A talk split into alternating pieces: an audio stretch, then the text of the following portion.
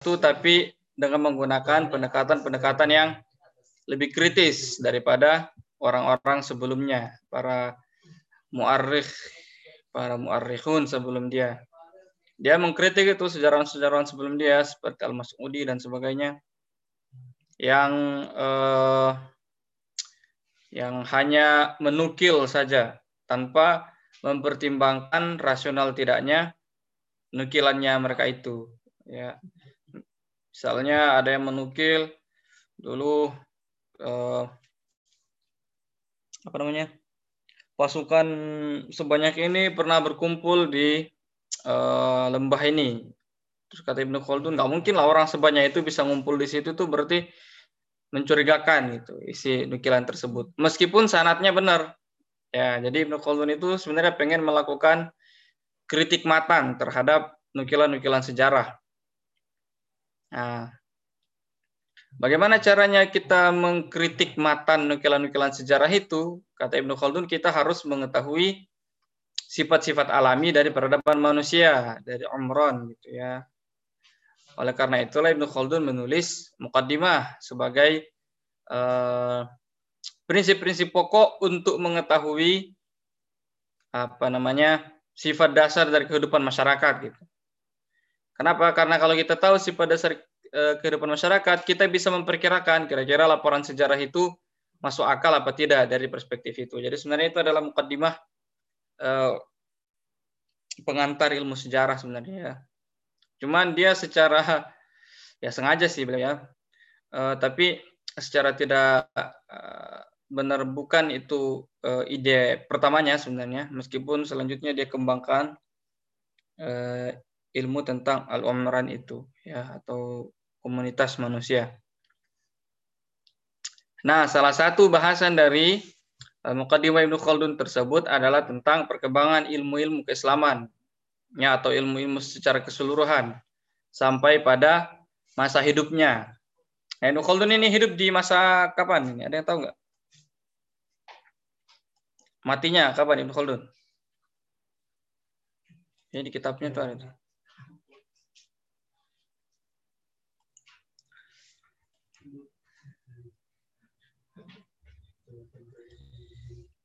Ada yang tahu? Nanti cari ya. Saya juga nggak tahu. Ah? Pikirannya saya tahu. Lupa saya. Hah? Tahun berapa? Tahun tahun 1406. Seribu berapa? 1406 Ustaz. Ya, abad ke berapa namanya itu? Abad ke-14.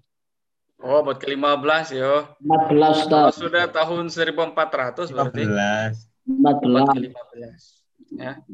Ya, bagus ya. Jadi beliau mendokumentasikan perkembangan ilmu-ilmu keislaman dari awal benar sampai abad segitu ya, abad ke-15. Itu kalau hijriahnya abad berapa kira-kira itu? Ada yang bisa perkirakan nggak? Karena kan abad 21 Masehi. Ya. Karena sudah tahun 2000 lebih, berarti sudah masuk abad 21. Terus abad Hijriahnya sekarang kan sudah abad keberapa? 1000 abad 15, Zat. Ah, 15. Nah, berarti abad ke-15 Masehi kira-kira berapa Hijriah itu? Berarti sekitar abad Sembilan, Ustaz. Wah. Tujuh, tujuh, delapan. Enggak tujuh, delapan, Ustaz. Tujuh, delapan. Oh ya. Selisihnya tujuh. Ya, benar, mungkin ya. Saya tadi kira kamu bilang Hijriah ya. Eh, Masehi. Eh, Masehi, abad sembilan mah. Zamannya Imam Syafi'i. Ya, pokoknya sekitar tahun itulah ya. Nah, jadi beliau itu mendokumentasikan. Kenapa begitu? Karena salah satu unsur terpenting dari masyarakat tadi kan ingat ya bahwa tadi tadi kan Ibnu Khaldun itu rahimahullah kan menulis dalam rangka untuk menginvestigasi gitu ya bagaimana proses berkembangnya dan kemudian runtuhnya sebuah peradaban. Dan bagaimana apa prinsip-prinsip dasar kehidupan uh, sebuah masyarakat gitu ya sosiologi lah mungkin kalau bahasa sekarangnya Nah, ilmu pengetahuan itu adalah bagian yang terpenting dari uh, masyarakat gitu ya, perkembangan pengetahuan. Jadi perkembangan masyarakat itu tidak bisa dipisahkan dari perkembangan ilmu pengetahuan. Makanya dia juga membahas itu.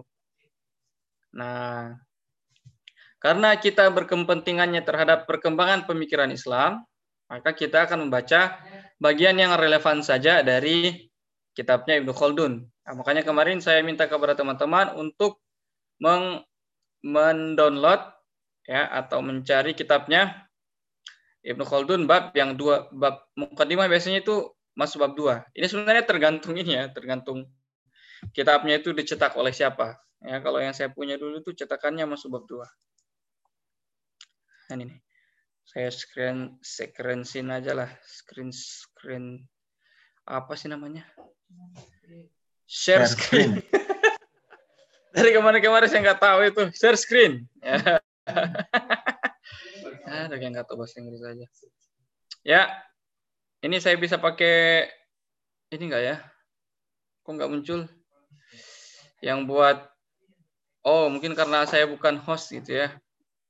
Nggak bisa buat tanda-tanda ini ya pakai ini aja. Nah makanya akan kita baca. Sudah kelihatan belum yang saya share? Sudah Ustaz. Sudah, Ustaz. Nah, nanti kita akan membaca dari bagian sini saja. Dari bagian dari sini ya. Al-faslu al-ashir fi asnafil ulumi al-waqi'ati fil umran li hadzal. Ya. Jadi tentang macam-macam ilmu. Jadi kita mulai dari klasifikasi ilmunya. Macam-macam ilmu yang muncul hingga zaman ini, ya zamannya Ibnu Khaldun tadi ya. Nah, langsung nanti ulum Quran, ulum macam-macam ya. Nah, jadi nanti kita bisa melihat di sini uh, karya Ibnu Khaldun juga ya tidak akan membahas benar-benar panjang banget gitu ya, tapi sangat padat ya. Jadi kita lihat sejarah bertumbuhnya ilmu-ilmu tersebut dari perspektif uh, sejarah ya. Kemudian referensi berikutnya yang juga uh, saya minta kepada teman-teman untuk membacanya adalah atau akan kita baca nanti atau ya bisa khatam nggak ya? Ini aja sebenarnya sudah alhamdulillah kalau khatam.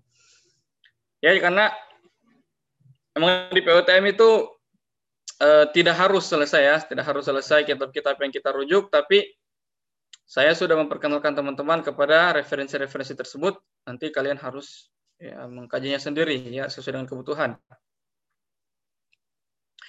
Terutama yang wadah ini, saya belum pernah lihat ada penelitian tentang ini pengaplikasian metodenya Ibnu Khaldun dalam ulumul hadis. Yaitu berpotensi kontroversial, tapi sebenarnya nggak apa-apa kan Ibnu Khaldun kan ulama juga. Karena sebenarnya dia sedang menginisiasi pendekatan historis terhadap nukilan-nukilan. Cuma beliau tidak mengaplikasikannya kepada riwayat hadis. Siapa tahu nanti ada mengangkat itu kan lumayan. Kalau yang WMY juga lebih uh, dekat lagi relevansinya ya karena Ibnu Khaldun di dalam mukadimah juga itu membahas tentang perkembangan pengetahuan, tentang metode pendidikan dan seterusnya. Ya. Sudah banyak yang meneliti sebenarnya kalau Ibnu Khaldun dari perspektif pendidikan Islam. Tapi pasti akan ada aja itu ya celah untuk menemukan topik-topik yang baru untuk diteliti. Nah, itu ya. Kemudian eh, satunya lagi itu adalah Al-Munqidh min Dolal karya Imam Al-Ghazali. Tadi siapa yang mau ada yang tahu nggak sesuatu tentang kitab ini? Pernah membaca atau mendengar? Gitu. Siapa aja?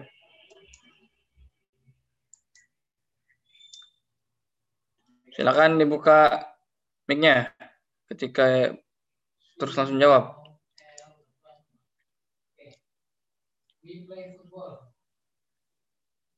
Ayo.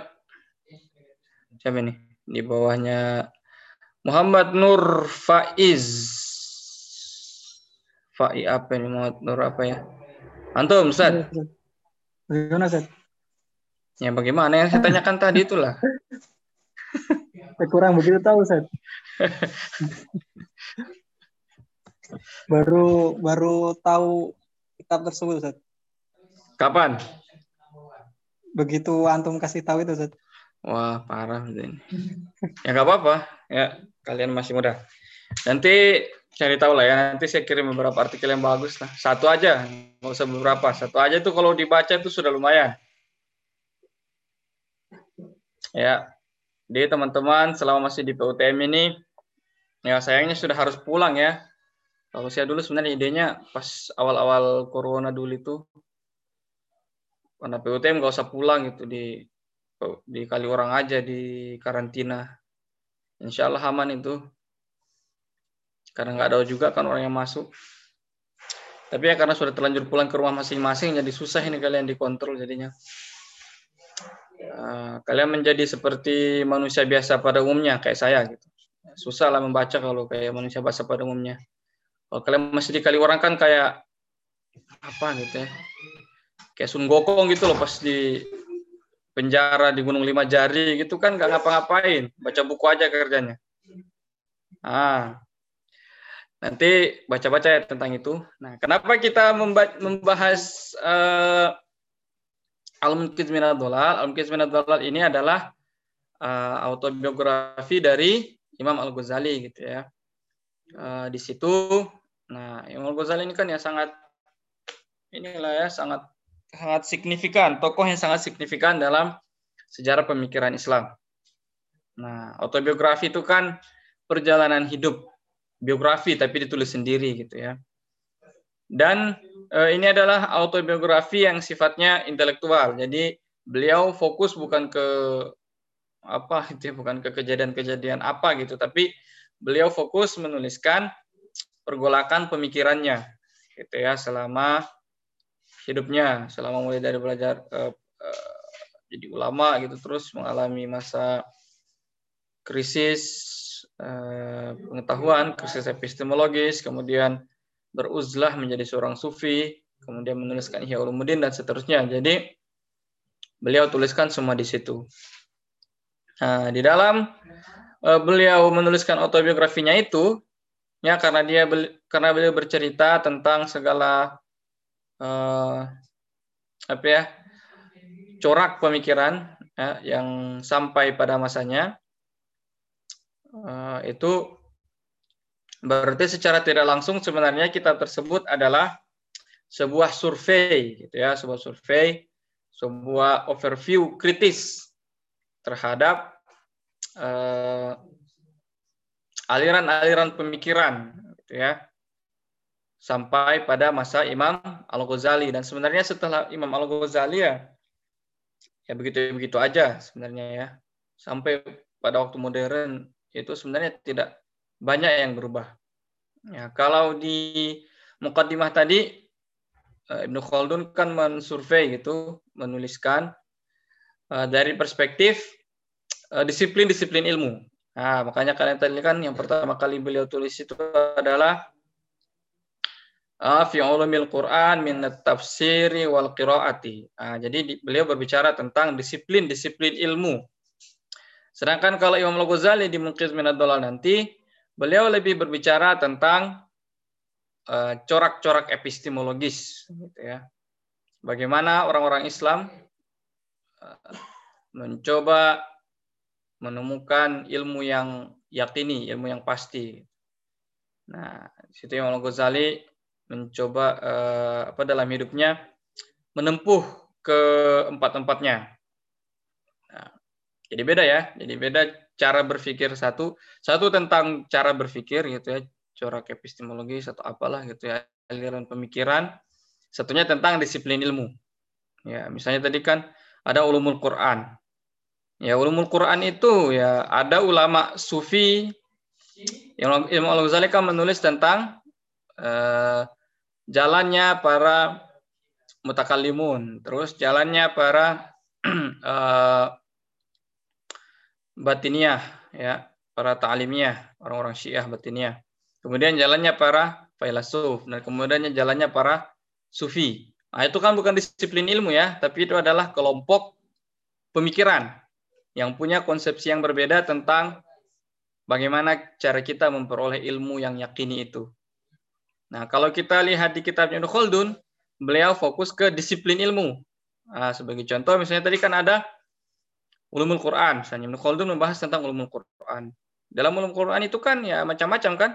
Ada ulama sufi yang menulis tafsir. Ya, ada ulama mutakalim yang menulis tafsir atau ahli dari ilmu tafsir. Ada uh, ulama dengan corak pemikiran filsafat lalu menulis penafsiran terhadap ayat tertentu. Gitu ya. Uh, sama juga ya fikih, ulumul hadis dan seterusnya. Ya. Nah, jadi kalau jadi kalian sudah bisa lihat ininya ya, overview-nya lah. Uh, jadi seperti itu. Nah, berikutnya supaya teman-teman itu tahu nanti apa yang teman-teman baca gitu, nggak kayak burung beo saja mengulang baca sesuatu terus diulangi, nggak tidak ada maknanya begitu ya. Maka teman-teman memang harus membaca literatur-literatur seputar kedua kitab ini. Ah, jadi nanti paham. Oh, sebenarnya ini.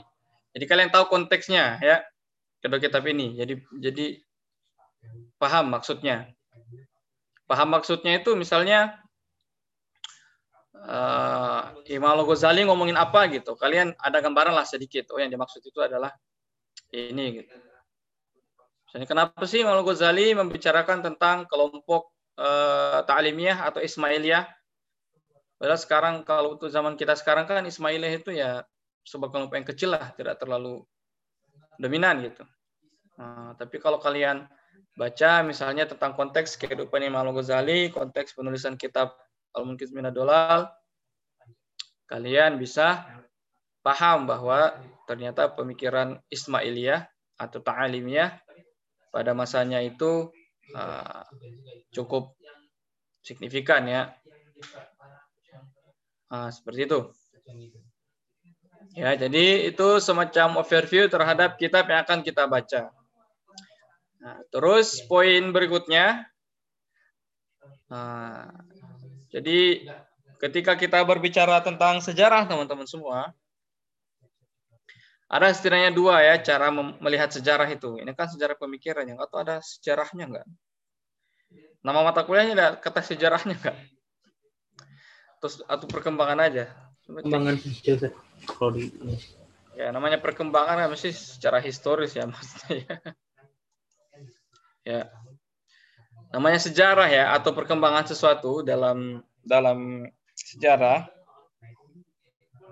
kita bisa melihat dari dua sudut pandang. Ada yang mengatakan sejarah itu sebenarnya adalah biografi orang-orang besar. Ya. Kenapa? Karena sebenarnya orang-orang besar itulah yang menentukan lajunya sejarah. Jadi kalau kita belajar misalnya sejarah kemerdekaan Indonesia, sebenarnya secara tidak langsung ya kita belajar biografi-biografi orang-orang hebat yang mengarahkan sejarah sehingga Indonesia merdeka gitu. Mau tidak mau kita harus tahu Soekarno misalnya lahir di mana, Muhammad Natsir lahir di mana, bagaimana pendidikannya, bagaimana perannya. Nah, karena emang secara tidak langsung kalau ngomongin sejarah kita membicarakan orang-orang besar yang menggerakkan sejarah itu. Nah, Imam Al-Ghazali Ya, nanti kalian tolong carilah ya literatur. Besok-besok saya pengen, maksudnya pertemuan berikutnya nanti saya akan nanya. Saya tidak mau lagi inilah pada diam-diam aja begitu ya. Silakan jawab. Ya. Uh, apa signifikansinya Imam Al-Ghazali misalnya dalam sejarah pemikiran Islam? Mungkin ada nukilan-nukilan para ulama gitu Ini mungkin PR-nya nih. Siapa yang mengatakan begini? Ada yang pernah dengar nggak kata-kata begini?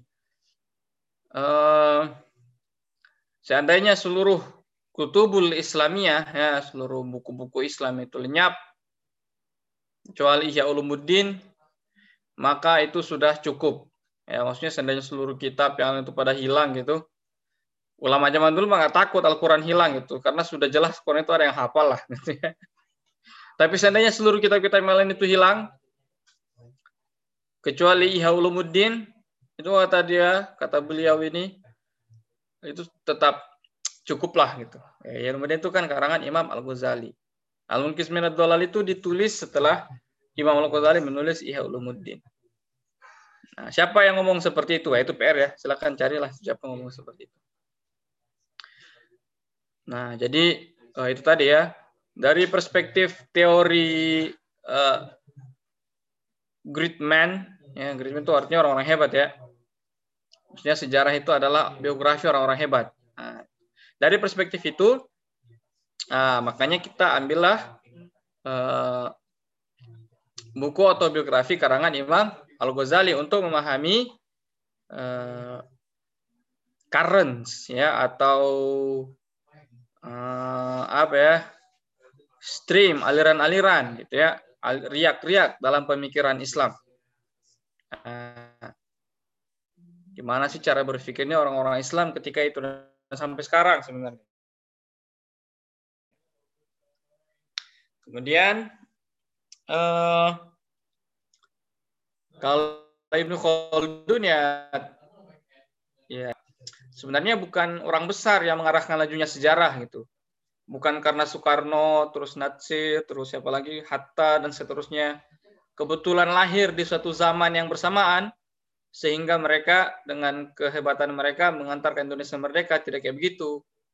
Tapi sebenarnya kondisi zaman lah yang melahirkan orang-orang hebat emang kondisi zaman ketika itu tuh memang sangat memungkinkan untuk lahirnya orang-orang seperti Soekarno, seperti Natsir, seperti Hatta, seperti Agus Salim. Ya, jadi kebalikannya tadi. Nah, Ibnu Khaldun ya sebagai seorang sejarawan tadi yang menulis dari perspektif sosiologis, ya dari perspektif kemasyarakatan secara umum, nah, meskipun beliau tidak eksplisit ngomong seperti itu, tapi beliau bisa dianggap mewakili pendekatan seperti itu. Jadi beliau penekanannya bukan pada tokohnya, tapi sejarah perkembangan uh, ilmu itu ilmu itu sendiri. Ya, meskipun nanti beliau tentu uh, mau tidak mau pasti akan menyebutkan atau tokoh-tokohnya gitu ya. Nah, terus nah, kalau kita berbicara tentang perkembangan pemikiran, Ya, ini kan perkembangan pemikiran ya nama mata kuliahnya. Maka pasti kita akan berbicara pertama eh, ininya apa tuh namanya impetusnya gitu ya, bahasa Inggris tuh uh, yang membuat eh, corak berpikir atau mungkin disiplin ilmu itu pertama muncul gitu ya yang mengkick off gitu pertama kali yang menggelindingkan untuk pertama kali gitu ya. Apa yang memicu munculnya cara berpikir seperti itu, terus apa yang memicu munculnya disiplin ilmu tertentu, kajian bidang kajian tertentu. Pasti kita akan berbicara tentang itu ya. Namanya akarnya lah ya, mungkin kalau misalnya diibaratkan sebagai sebuah pohon. Kemudian mau tidak mau kita juga akan berbicara tentang uh, trajektori. Ya. Trajektori itu Ya bahasa Indonesia tuh ya. Ada yang tahu trajektori di sini? Pernah lihat ada yang suka naik angkot atau bus enggak itu? Kan ada trayek tuh. Angkot trayek mana ke mana. Ada yang di kampungnya ada angkot enggak di sini? Tuh kalian semua pada naik naga kalau ke mana-mana. ada Ustadz angkot. Nah, gimana angkot itu? Ada istilah trayeknya kan ya? Nah, sama juga dalam perkembangan pemikiran ya. Ya. Jadi ada istilah trajectory, trajektori. Sudah jadi bahasa Indonesia itu ya. Itu maksudnya adalah arah perkembangannya. Tadi kan gimana dia muncul terus pastikan arah perkembangannya itu ya apakah dia satu arah gitu atau dia bifurcation menjadi dua arah atau macam-macam gitu kan macam-macam ya. Misalnya apa? Misalnya usul fikih. Kok bisa pertama kali muncul? Kenapa? Terus perkembangannya bagaimana arahnya? Oh, ada yang kemudian sifatnya lebih uh, menggunakan metode-metode ahli kalam. Sehingga lahirlah corak usul fikih ahlul kalam atau syafi'iyah. Tapi ada juga ternyata yang uh, punya corak tersendiri, maka lahirlah apa mazhab usul fikih yang lain selain Syafi'iyah?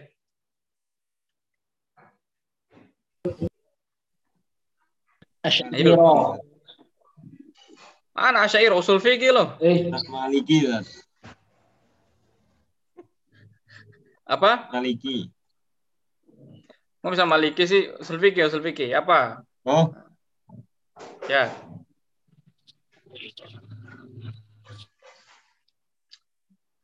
Mutazilah, Ustaz. Ah, gimana? Mutazilah, Ustaz. Yang Mutazilah itu kan ahlul kalam ya. Nah, Hanafi. jadi kalau kita ngomongin ah gimana? Hanafi ya, Ustaz. Ya, benar sekali. Siapa tadi itu? Pasti ganteng banget itu. Hanafiyah ya. Jadi kalau kita ngomongin usul fikih itu ada dua, ada dua jalur ya. Ada jalur Syafi'iyah, strip ahlul kalam, ada jalur Hanafiyah. Nah, itu namanya trajektorinya kan ada dua tuh. Kemudian macam-macam ya, atau mungkin yang paling sering teman-teman dengar lah ya, misalnya fikih ya. Fikih kan awal muncul- munculnya ya jelas lah apa apa eh, impetusnya gitu ya, apa pemicu awalnya. Oh, karena orang Islam pengen tahu hukum-hukum sesuatu. Nah, gimana kemudian trajektorinya ya, trayeknya gimana-gimana aja. Nah, kita bisa ini petakan. Oh, trajektori pertama itu ada dua corak. Apa coraknya kalau ngomongin ngomongin fikih di awal-awal itu? Sebelum adanya mazhab. Ayo. Kaul sahabi. Ah, kalau sahabi bukan itu. Ya, trajektor itu arah perkembangan pemikiran gitu loh. Ayo, ayo, gimana? Sebagian ada beberapa ulama yang tinggalnya di Mekah. Madinah. Ya, terutama di Ah, itu gimana gimana? Alul Ra'i Ustaz, sama alul, Sama? alul hadis. Ah, itu kan fikih awal-awal perkembangannya seperti itu ya. Pemicu berkembangnya fikih pertama karena orang-orang setelah ditinggal oleh Nabi Muhammad SAW dan kebanyakan sahabat juga sudah mulai meninggal satu persatu. Eh, muncul juga permasalahan-permasalahan baru, maka orang-orang pun mulai eh, mengistinbat hukum, gitu kan namanya fikih itu ya. Kalau tidak lewat istinbat kan bukan fikih namanya. Nah, tapi ternyata corak berkembangnya keilmuan ini biasanya disebutkan oleh para sejarawan gitu, para ulama juga ternyata sangat dipengaruhi oleh kondisi eh, masing-masing tempat gitu ya. Di, di Hijaz berkembanglah al-hadis al-ra'i. Seperti itulah ya, kurang lebih. Nah, eh, ini kayaknya sudah habis ya waktu saya ya. Nah, poin terakhirnya adalah eh, kenapa kita kemudian mengambil juga dua kitab tersebut ya terlepas nanti apakah bisa ditamatkan apa tidak ya seenggaknya teman-teman sudah berkenalan lah ya dengan kitab tersebut dan saya juga jadi baca ulang gitu Em, ya karena kedua kitab itu sama-sama ditulis meskipun beda ya beda ratusan tahun tadi kan 1400-an tahun 1400 kalau Imam Ghazali itu meninggal tahun paling gampang tuh dihafal tuh Satu satu Ya, satu satu satu Ustaz. Nah, benar ya itu paling gampang dihafal ya. Tahun eh, meninggalnya Al Ghazali kan tahun 1111. Nah, Hijriahnya juga gampang dihafal. Ada yang tahu nggak?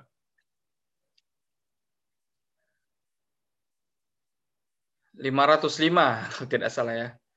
Nah, itu ya. Jadi eh, Imam Al Ghazali menulis kitab itu ketika tadi kan kita ngomongin trajektori itu ya. Ketika eh, sudah jelas gitu ya trajektori-trajektori itu sudah terbentuk coraknya masing-masing. Lalu beliau mendokumentasikannya dalam bentuk autobiografi. Dia cerita, saya dulu masuk aliran ini, bukan masuk ya. Mempelajari cara berpikirnya aliran ini, kemudian mempelajari cara berpikirnya aliran ini, kemudian nah itu kan meskipun Al Ghazali sedang bercerita tentang pengalaman hidupnya, kita yang membaca kemudian bisa menyimpulkan oh berarti pada sampai pada tahun seribuan ya ternyata inilah beberapa corak berpikir yang ada di tubuh umat Islam gitu ya apalagi Ibnu Khaldun ya Ibnu Khaldun itu hidup benar-benar di masa ketika ilmu-ilmu keislaman itu sudah matang bahkan sudah mulai menunjukkan tanda-tanda kepudaran gitu ya terutama di Maghrib di Andalusia dan sekitarnya. Jadi sudah matang lah gitu ya. Nah, itulah kenapa misalnya kita tidak mengambil kitabnya Imam Syafi'i. Imam Syafi'i hebat gitu. Cuman sampai pada zaman Imam Syafi'i perkembangan pemikiran Islam itu belum belum ada yang bisa dicerita sama Imam Syafi'i gitu ya. Paling ahlu hadis ahlu ro'i, nah, itu. Nah, karena memang Imam Syafi'i kan menandai konvergensi al hadis al ro'i al hadis al ro'i kemudian dipertemukan dalam pemikirannya Imam Syafi'i. Tapi kalau pada zaman uh, Imam Al Ghazali, pada zaman uh, Syekh Ibnu Khaldun itu ya, aliran-aliran pemikiran, disiplin-disiplin ilmu itu sudah cukup matang. Nah, sehingga di dalam tulisan mereka kita sudah bisa mengetahui bentuk yang relatif sudah jadi, misalnya dari ulumul Quran. Paling perkembangan berikutnya adalah perkembangan-perkembangan yang muncul setelah masa modern. Nah, itu nanti kalian cari sendiri lah kalau itu ya. Ya, baiklah. Saya sudah lewat berapa menit? 5 menit ya. Uh, saya mohon maaf tadi. Saya nggak tahu yang hadir ada tadi yang minta izin, tolong diizin. Saya minta tolong ke kelas gitu ya. Uh, kemudian saya tahu teman-teman semua ada di daerah masing-masing. Tahu saya tidak tahu keadaannya mungkin ada yang susah menemukan ini. Tapi sebisa mungkin kitabnya di print ya. Sebisa mungkin. Sangat harus saja harus apa sebisa mungkin sebisa mungkin aja dulu ya. Kalau ada yang nggak bisa ngeprint bilang ya, tapi kalau ada yang bisa ngeprint kok nggak ngeprint itu kurang ajar ya. Kepada Al Ghazali bukan kepada saya atau malah kurang ajar mungkinnya kalau kita print karena membajak nggak apa-apa lah. Uh, silakan teman-teman print karena lebih enak ya kalau kita baca print-printan nanti uh, kalian kasih apa harokat dan seterusnya. Nah untuk minggu depan supaya jelas murojaahnya apa, nah kita mulai membaca dari uh, Imam Al-Ghazali dulu, ya Al-Muqis min Dalal dulu. Ya, cara bacanya uh, seperti biasa ya, cara baca PUTM, baca ganti-gantian, terserah saya, saya mau nunjuk siapa gitu. Uh, tapi mungkin tidak 100% seperti itu, ya biar cepat. Nah, tapi tetap harus ada yang membacakan. Baiklah, saya kira sudah cukup jelas ya sebagai pertemuan pembuka. Saya mohon maaf teman-teman tadi saya ada kegiatan di kampus terus harus nyari tempat yang bagus dulu buat meeting gitu ya biar menghormati forum para ulama-ulama muda nih. Tetap semua. Ya baiklah ya. Terima kasih banyak atas perhatiannya kepada kota kelas. Silahkan di absensi terus nanti di ya absensi di ini aja ya di grup WA aja. Ya terima kasih. Wassalamualaikum warahmatullahi wabarakatuh. Waalaikumsalam warahmatullahi wabarakatuh. warahmatullahi wabarakatuh.